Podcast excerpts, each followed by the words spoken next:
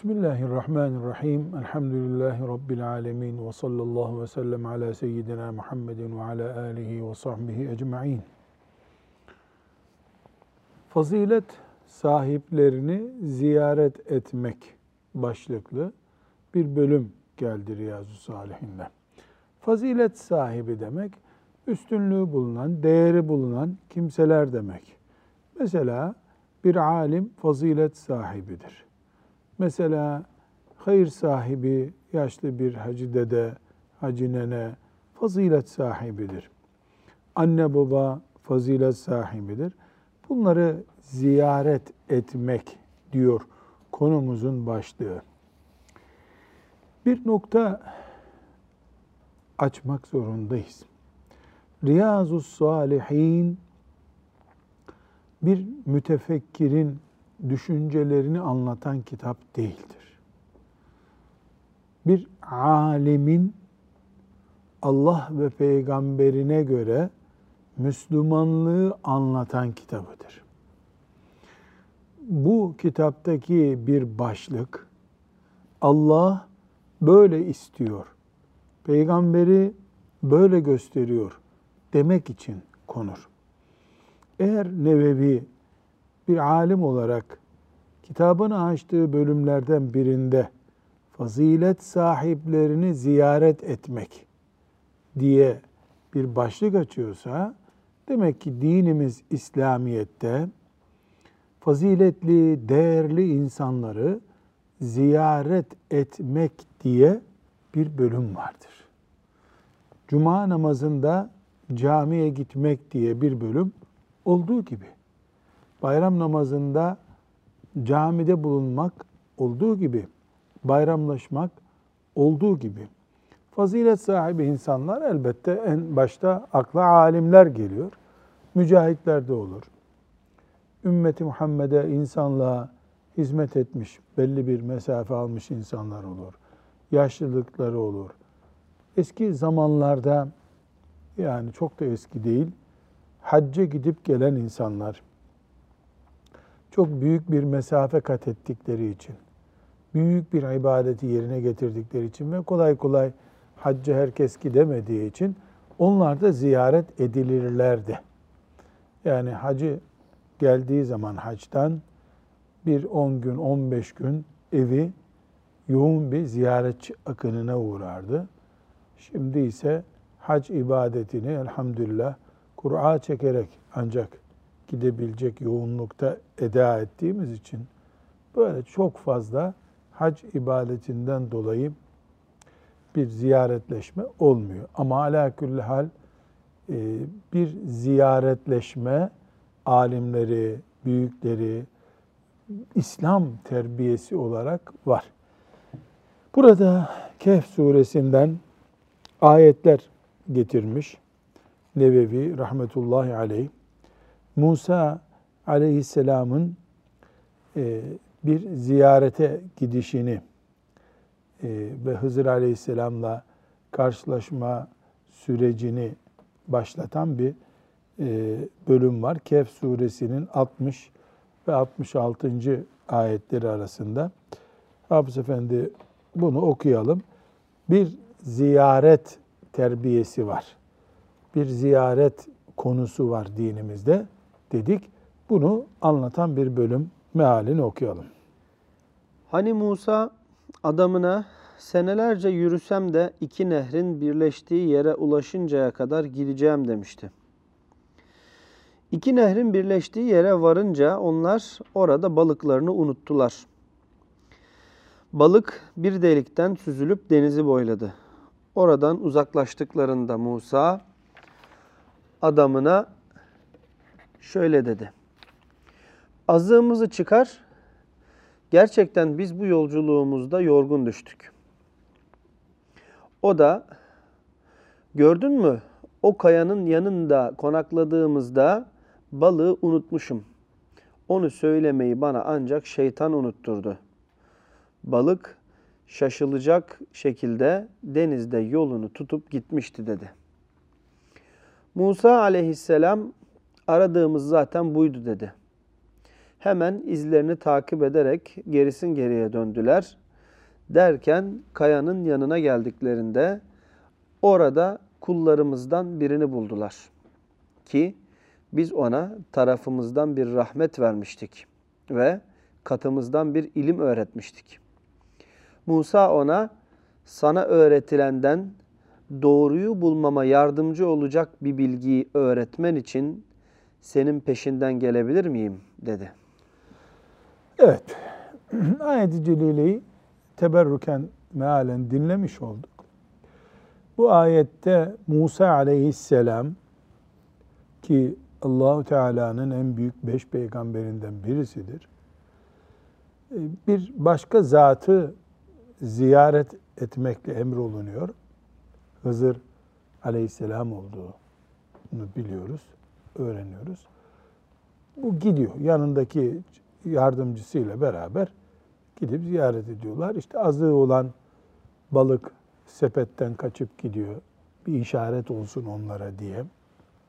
Olayın ayrıntısına girmeden görüyoruz ki Allahu Teala peygamberine bile Musa Aleyhisselam gibi bir peygambere bile e, ilim için yolculuğa çıkmasını, bir alimin peşinden gitmesini emir buyurmuş. Bu konuda sabrı ona öğretmiş.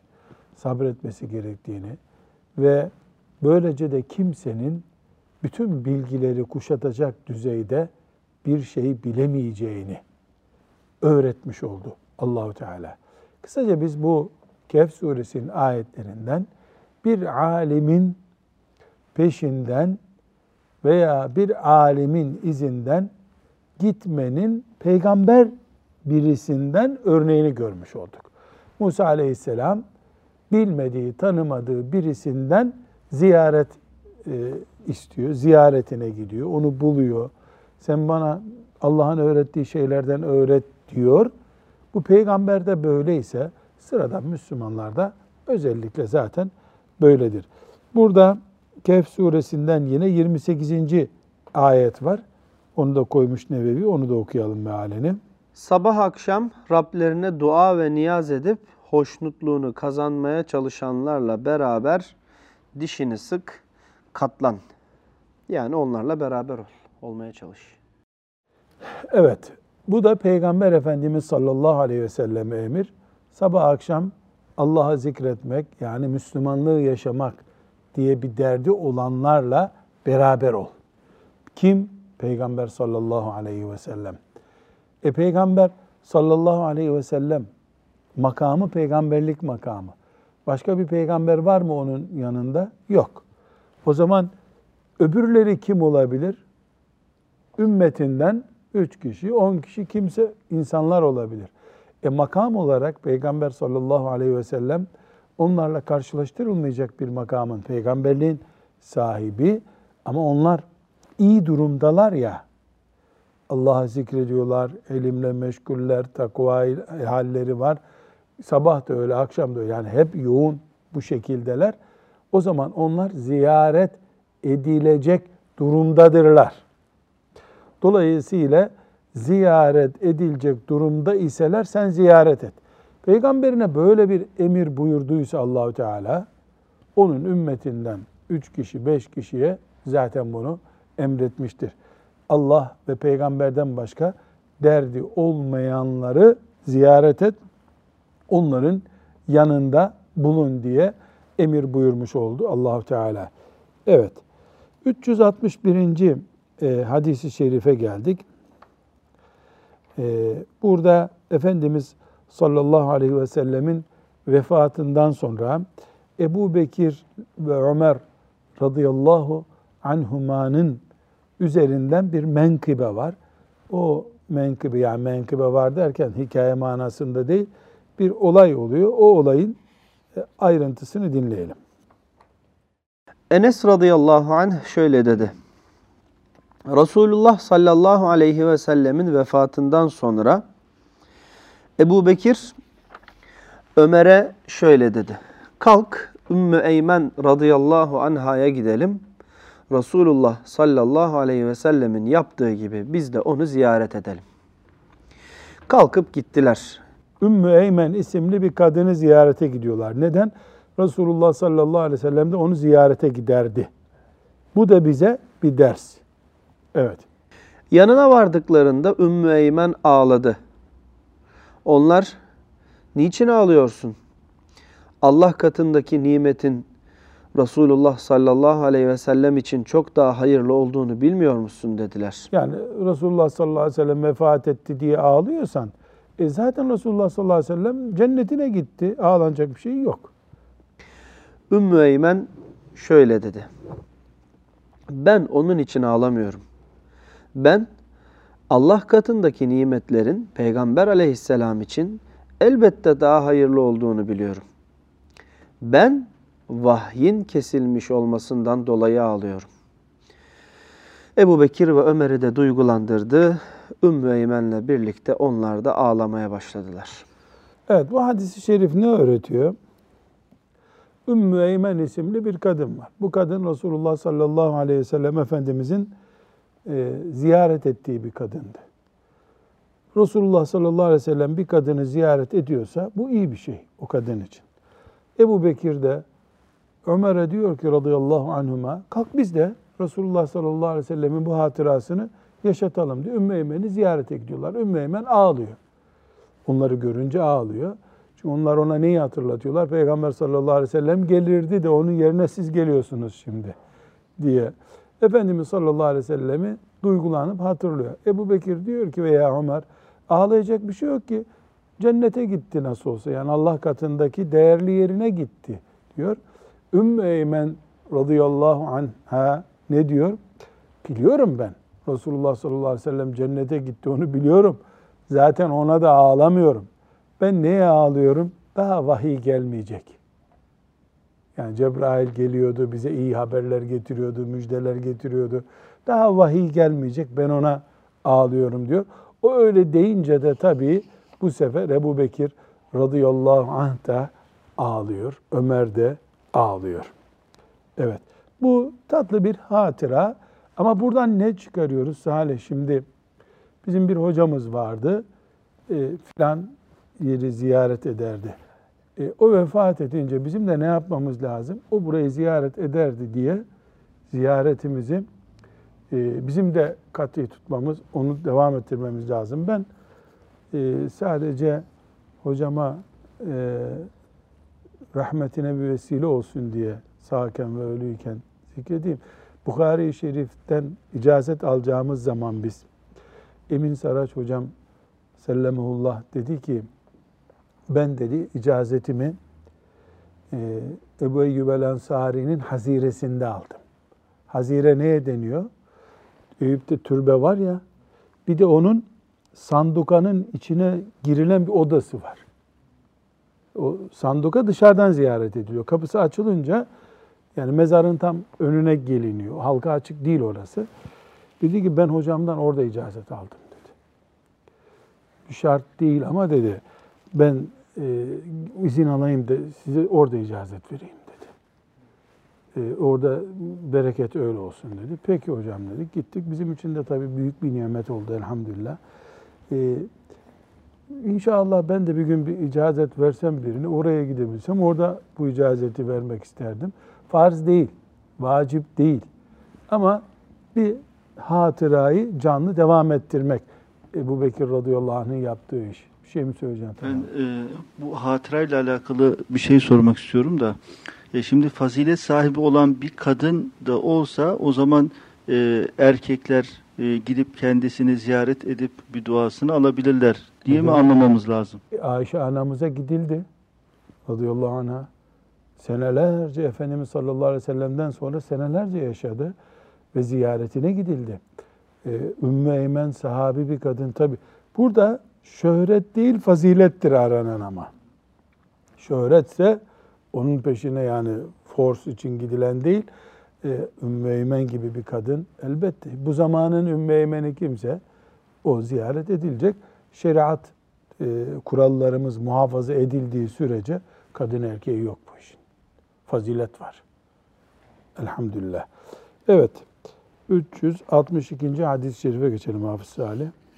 Ebu Hureyre radıyallahu anh'ten rivayet edildiğine göre Resulullah sallallahu aleyhi ve sellem şöyle buyurmuştur. Adamın biri bir başka köydeki kardeşini ziyaret etmek için yola çıktı. Ne zaman bu? Efendimiz sallallahu aleyhi ve sellem'den önceki dönem. Allah Teala adamı gözetlemek için onun yolu üzerinde bir meleği görevlendirdi. Adam meleğin yanına gelince melek nereye gidiyorsun dedi. Adam şu ileriki köyde bir din kardeşim var onu ziyarete gidiyorum cevabını verdi. Melek o adamdan elde etmek istediğim bir menfaatim mi var dedi. Adam yok hayır ben onu sırf Allah rızası için severim onun için ziyaretine gidiyorum dedi. Bunun üzerine melek sen onu nasıl seviyorsan Allah da seni öylece seviyor. Ben bu müjdeyi vermek için Allah Teala'nın sana gönderdiği elçisiyim dedi. Müslim'de hadisi şerif bu. Demek ki ortada bir hakikat var. Müslümanlar arasında Allah için birbirini sevmek diye bir iş var. Allah için birbirini sever Müslümanlar. Ve hiçbir menfaati olmasa da şu karşıki köydeki Müslüman kardeşimi ziyarete gidiyorum der. Allah da bunu beğendiği bir iş olduğu için bir melek göndererek rızasını o ziyarete giden mümine gösterir. Tek istenen şey nedir? Allah için olacak. Bir menfaatin, bir beklentin, bir meşhur şöhretin yanına gitmen onlar değil tabi. Allah için gidiyor olduktan sonra demek ki böyle bir fazilet var. Bunu bütün Müslümanlar olarak bu hadisi şerif, Müslim'de sahih hadis-i şerif tefekkür etmemiz lazım.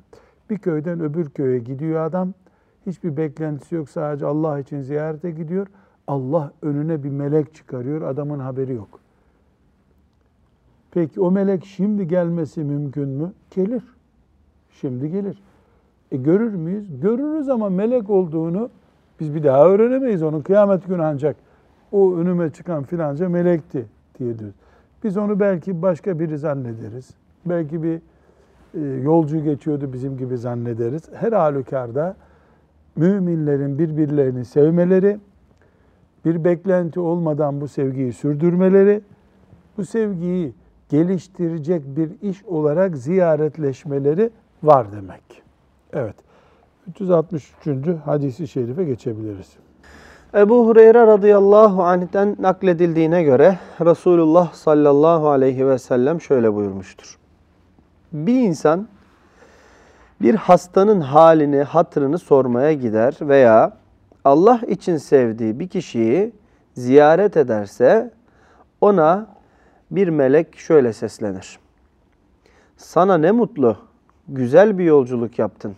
Kendine cennette barınak hazırladın. Sana ne mutlu. Cennette kendine yer hazırladın. Kime deniyor? Hasta mümini ziyaret edene deniyor. Veya bir mümin kardeşini ziyaret edene deniyor.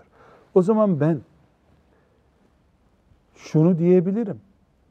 Melekler cenneti neyin üzerine vaat ederler? İbadete vaat ederler. Bir şey ibadetse ona cennetten bir yer vaat eder melek.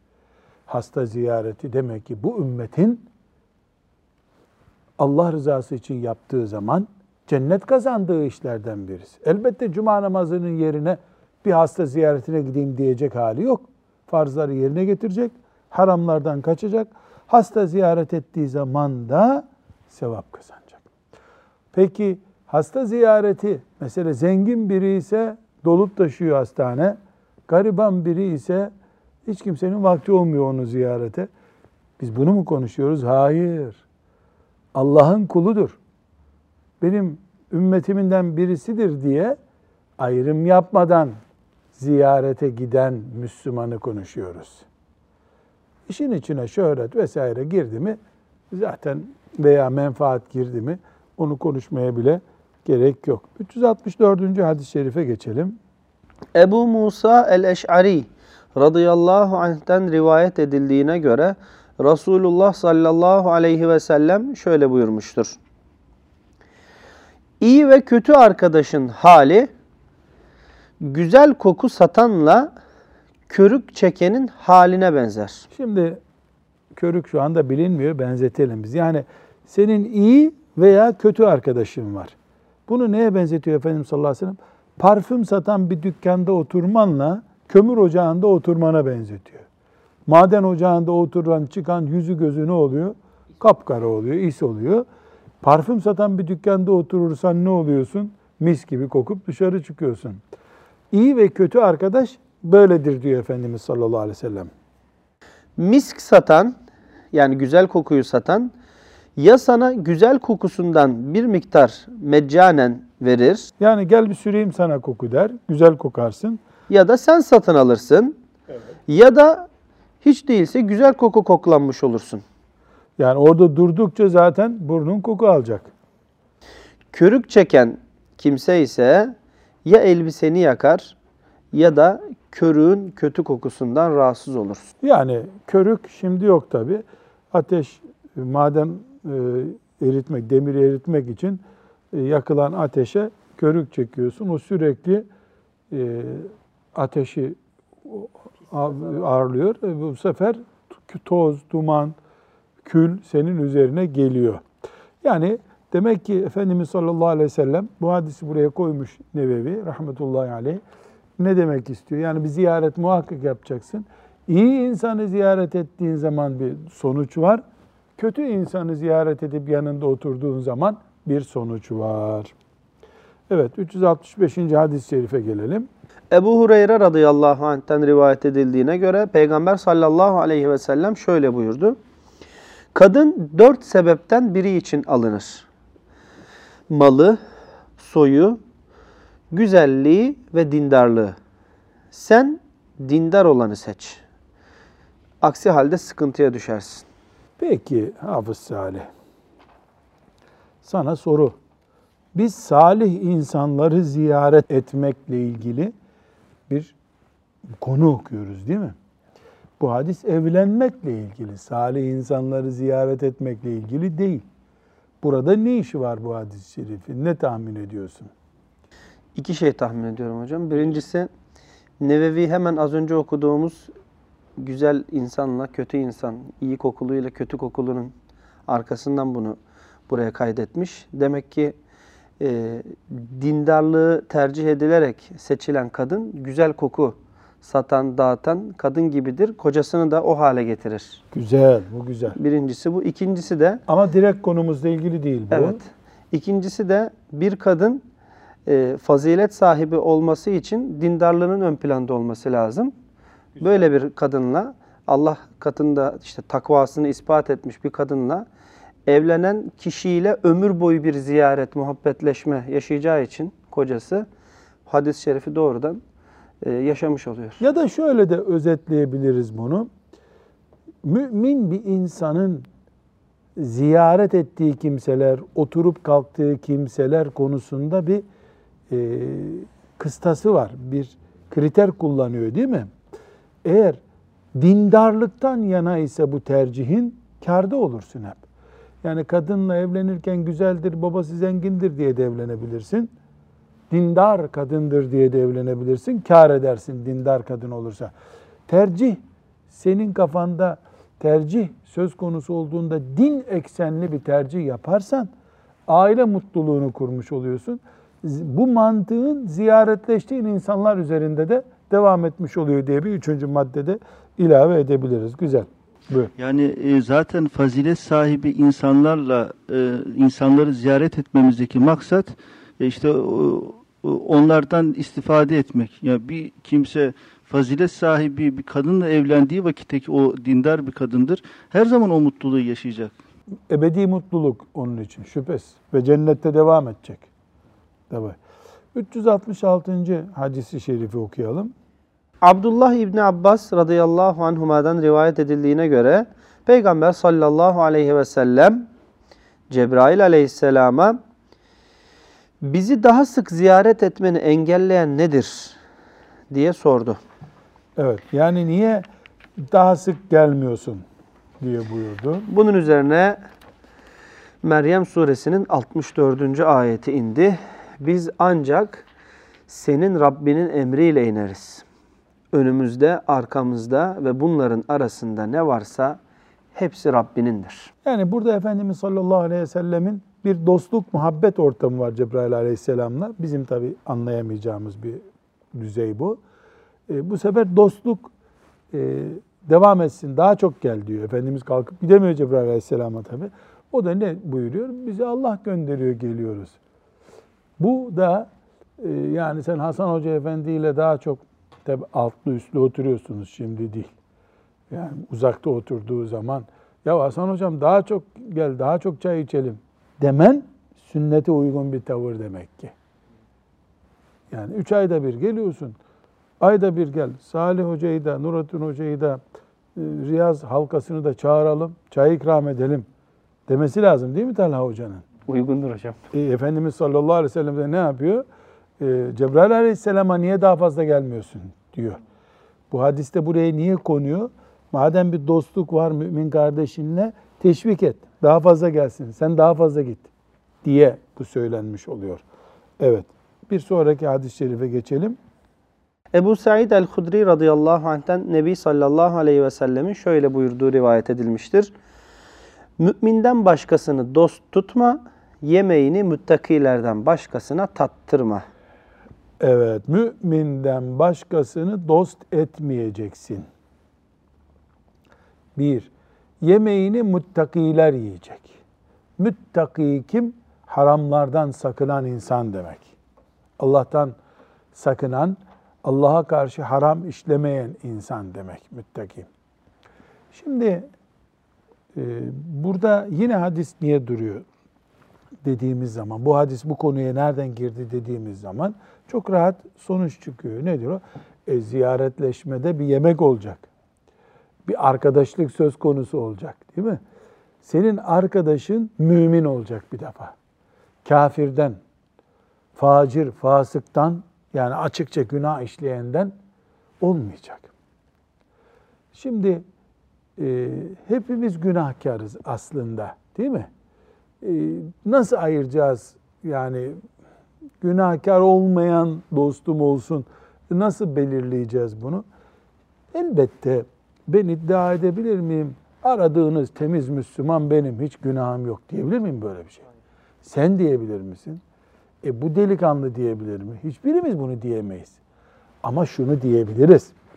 Filanca adam masasında alkol var. Biz onu ziyarete gittiğimizde yanda alkol bulunan masaya oturtacak bizi. E bu kadar da açık olmaz. Veya bir yere ziyarete gidiyoruz ya da onlar bize ziyarete geliyorlar. Kadın, kız, erkek, açık saçık bir arada oturuyorlar. Karma karışık bir ortam. E, bu kadar açığını da anlamamız ve kendimize yön vermemiz lazım. Yoksa herkes kalbini açacak, sıfır arıza, e, hiç günah yok tespit edecek. Ziyarete öyle gideceğiz veya geleceğiz dersek ziyaret kıyamete kadar kalkar. Niye kalkar? E kim kimin günahkar olmadığını, kim kimin fasıklığını garanti eder veya imanını garanti edebilir? Böyle bir şey iddia edilemez zaten. Ama açık işlenen günahları da biliyoruz. Değil mi? Çok basit bir misal. Mesela biz sizlerle hep beraber e, ziyaretlere gidiyoruz değil mi? Bir eve gidiyoruz. Orada e, en azından biz o evdeyiz diye kadınlarla erkekler ayrı oturuyor. E, şüpheli şeyler getirilip masaya konmuyor. Ezan saati gelince buyurun camiye gidelim diyor. E, bu güzel işaretler bunlar. Bir de bir eve mesela gideriz. E, eskiden biz çocukken e, hafızlık yaptığımızda böyle cenaze evlerine gidilirdi. E, orada işte tilavet secdesi yapılacak. Hatim indirildi ya. Ev sahibine sorulurdu kıble ne tarafıdır? Adam kekelemeye başlardı. Komşulardan biri işte şu taraf filandı. Sanki Antarktika'ya giden yolu soruyorsun adama. Yok ilgisi yok. Yani bu kadar da ziyaretleşme gibi bir iç kaynaşmayı, karşılıklı sevgiyi anlatan bir şeyde düzeyine göre oturmalı herkes. E peki öbürlerini terk mi edeceğiz? Onları emri bil maruf mantığıyla gideceğiz. Tebliğ mantığıyla gideceğiz. Yani kimseden kopmamız gerekmiyor ama karşılıklı ailece oturup e, kalktığımız bir düzey oluşturulması söz konusu. Ve burada yemek meselesinde yemeğini müttakiler yesin. Takva sahipleri senin yemeğini yesin buyuruyor. Yani takvası olmayana bir tas çorba vermek e, kabahat mi, günah mı? O zaman kimseye biz e, bir şey veremeyiz yani. Çünkü herkesin bir günahı vardır muhakkak. Öyle değil. Buradaki ölçü ne? Yemek yemek karşılıklı bir muhabbeti gösteriyor. Ben seni soframa çağırıyorum, sen beni sofrana çağırıyorsun. Bu bir yani ne kadar kaynaşmış olduğumuzu, birbirimizi sevdiğimizi gösteriyor. Bu ileri derecede sevgi yani beraber sofraya oturacağımız, beraber kaşık sallayacağımız sevgi ancak takva sahipleriyle olmalı. Bir defa kafirlerle ve fas, aleni günah işleyen fasıklarla bir daire çizdik. Bir Müslüman dairede kaldık. Ondan sonra bir daire daha çizdik. O dairede de ne var? Takvalılarla oturup kalkıyoruz. Sallallahu aleyhi ve sellem Efendimizin öğrettiğine göre. Evet.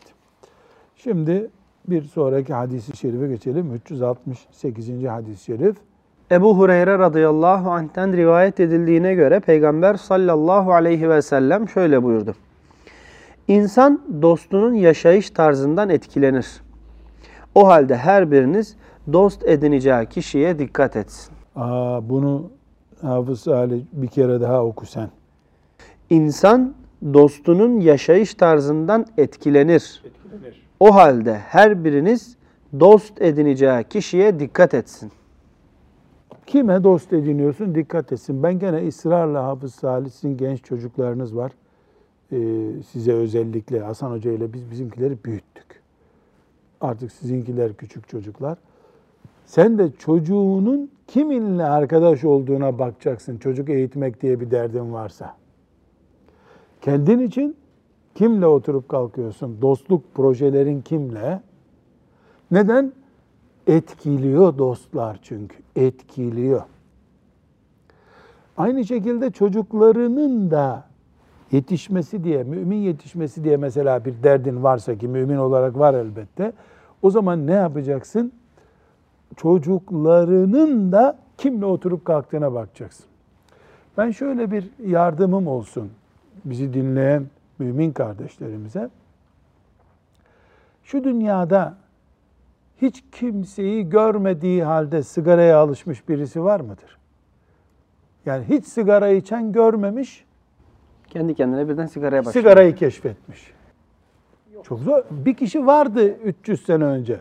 O da sigara değil de tütünlü veya ona benzer bir dumanla oynuyorlardı arkadaşlar olarak sigarayı keşfettiler. Peki birisinden intikam almayı, dövmeyi, çetecilik yapmayı bunları hiç kimseden görmeden kendi kendine bir insan keşfedip gidip bir dükkan soyuyor, çete kuruyor. Böyle bir şey olabilir mi? O da çok zor. Efendimizin hadisi o zaman çok mucizevi bir, cevamiül kelimden bir hadis. Arkadaş etkiliyor. Onun için anneler temiz çocuklar yetiştiriyorlar. Ağzından Allah peygamber çıkıyor çocukların. Ne kadar güzel. Sonra anne diyor ki okula gitti bir hafta sonra çocuk değişti diyor. Neden? Okulda yeni yeni arkadaşlar buldu. O zaman okulu da seçmek gerekiyor, arkadaşı da seçmek gerekiyor. Hiç yapamıyorsan çocuğu uyarmak, oturduğun kalktığın çocuklara dikkat et yavrum demek gerekiyor. Onun için okula gideceği zaman çocukların evden çok sevecekleri bir yer olmaması yönünde hazırlıklı olmaları gerekiyor. Yani çocuk eğer okula gideceği zamanlarda evde bir soğukluk varsa okuldaki arkadaşlarını ikinci bir dost olarak, daha değerli bir dost olarak listesine alacak demektir. Bunlar hepsi yani tedbir olarak hazırlıklı olmamız gereken şeylerden biri. Burada alimlerimiz Efendimiz sallallahu aleyhi ve sellem bu hadisinin şerhinde zikrettikleri şeyler var. Özellikle e, belli şeyler saymışlar. Yani bir arkadaşta neler arayalım demişler. Birincisi imanına bakalım diyorlar. İmandan sonra takvasına bakalım. Üçüncü olarak akıl düzeyine bakalım. Dördüncü olarak ahlak düzeyine bakalım. Beşinci olarak göğsünde kin, nefret besleyen biri mi ona bakalım. Ahlaklı adam ama kızdığı zaman da ebedi affetmiyor. Hani sahabinin biri diyor ya sen cennetlik nasıl olduğunu sorduğuna ne cevap veriyor? Göğsümde kimseye bir dert taşımıyorum diyor. Ve bir başka şey sebat ehli bir adam mı? Yani ben bununla yola çıksam ne kadar devam eder e, bu dostluğumuz? Bunu inceleyelim. Kaç etti? Altı. Yedincisi de diyorlar ki görevlerine ve haklarına bağlı biri mi? Arkadaşlığın bir gö- görevin olacak arkadaşsın, bir de hakların olacak. Yani kendi haklarını bile koruyacak düzeyde olmayan birini alimler arkadaş görmek istemiyorlar. Tamam iyi adam ama cebinden parasını alıyorsun ses çıkarmıyor. Uzat enseni diyorsun vuruyor. Ondan arkadaş olmaz. Çünkü niye olmaz? Seni o hale getirecek. Tekrar özetleyecek olursak iman, takva, akıl, ahlak, temiz göğüslülük, sebat yani dayanıklılık, haklar ve görevlerde ciddiyet. Bunları iyi bir kardeşlik, arkadaşlık standardı olarak muhakkak kollamamız lazım. Dost edindiklerimizden. Evet bundan sonraki hadisi şerifleri seri bir şekilde okuyalım. Efendimiz sallallahu aleyhi ve sellemin çok farklı zamanlarda zaten e, izah ettiğimiz hadislerdendir. Okuyalım. Ebu Musa el-Eş'ari radıyallahu anh'ten rivayet edildiğine göre Peygamber sallallahu aleyhi ve sellem şöyle buyurdu. Kişi sevdiğiyle beraberdir. Bir başka rivayette Peygamber aleyhisselama bir kişi bir topluluğu sevdiği halde onların seviyesine erişemezse böyle biri hakkında ne buyurursunuz diye sorulduğu onun da kişi sevdiğiyle beraberdir buyurduğu nakledilmiştir. Yani hadis çok açık. Herkes sevdiğiyle beraber. Ben Ebu Bekir radıyallahu anh'ı seviyorum. E, o mezarında, o Medine'de, ben buradayım. Merak etme Allah kıyamet günü buluşturacak. Kimi seveceğiz, kimi ziyaret edeceğizin ölçüleri. Devam edelim. öbür Enes hadiste. radıyallahu anh'ten şöyle dediği rivayet olunmuştur. Bir bedevi Resulullah sallallahu aleyhi ve selleme kıyamet ne zaman kopacak diye sordu. Efendimiz sallallahu aleyhi ve sellem de kıyamet için ne hazırladın buyurdu. Allah ve Resulünün sevgisini dedi. Bunun üzerine Peygamber sallallahu aleyhi ve sellem o halde sen sevdiğinle berabersin buyurdu. Yani adam Peygamber Efendimiz'e bir soru soruyor. Kıyamet ne zaman? E ne edeceksin kıyameti? Hazır mısın dediğinde seni seviyorum diyor. E o zaman herkes sevdiğiyle beraber. Bukhari ve Müslim'in rivayetlerinde Bedevi'nin cevabı şu şekildedir. Ahiret için öyle çok oruç, namaz ve sadaka hazırlayabilmiş değilim. Ancak ben Allah'ı ve peygamberini seviyorum. Sallallahu aleyhi ve sellem. Evet. Demek ki herkes sevdiğiyle beraber olacağına göre bu zat da sevdiğiyle beraber olacak. Öbür hadis-i şerifi de aynı mantıklı dinleyelim. Abdullah İbni Mesud radıyallahu anh şöyle dedi. Resulullah sallallahu aleyhi ve selleme bir adam geldi ve Ya Resulallah bir topluluğu seven fakat onların işlediği amelleri işleyemeyen bir insan hakkında ne buyurursunuz? dedi. Peygamber sallallahu aleyhi ve sellem de kişi sevdiğiyle beraberdir cevabını verdi. Sallallahu aleyhi ve sellem. Evet. Demek ki herkes sevdiğiyle beraber olacağına göre kimi sevdiğine dikkat edeceksin. Ziyaretleşmen, muhabbetin, tweetleşmen, whatsapplaşman neyi gösteriyor? Senin onu sevdiğini gösteriyor. Alimi gördüğünde eh buradan bir şey geçti gibi davranıyorsun. Bir başka senin kıyamet günü beraber görünmek istemeyeceğin birini gördüğünde kalbin pırpır ediyor. Sen istediğin kadar alimi seviyorum de. Yani refleksin senin başkasından tarafı oluyor. Dolayısıyla e, sevdiklerimiz çok önemli. Zira sevdiklerimiz içimizdeki imanı, karakteri, kimliğimizi gösteriyor.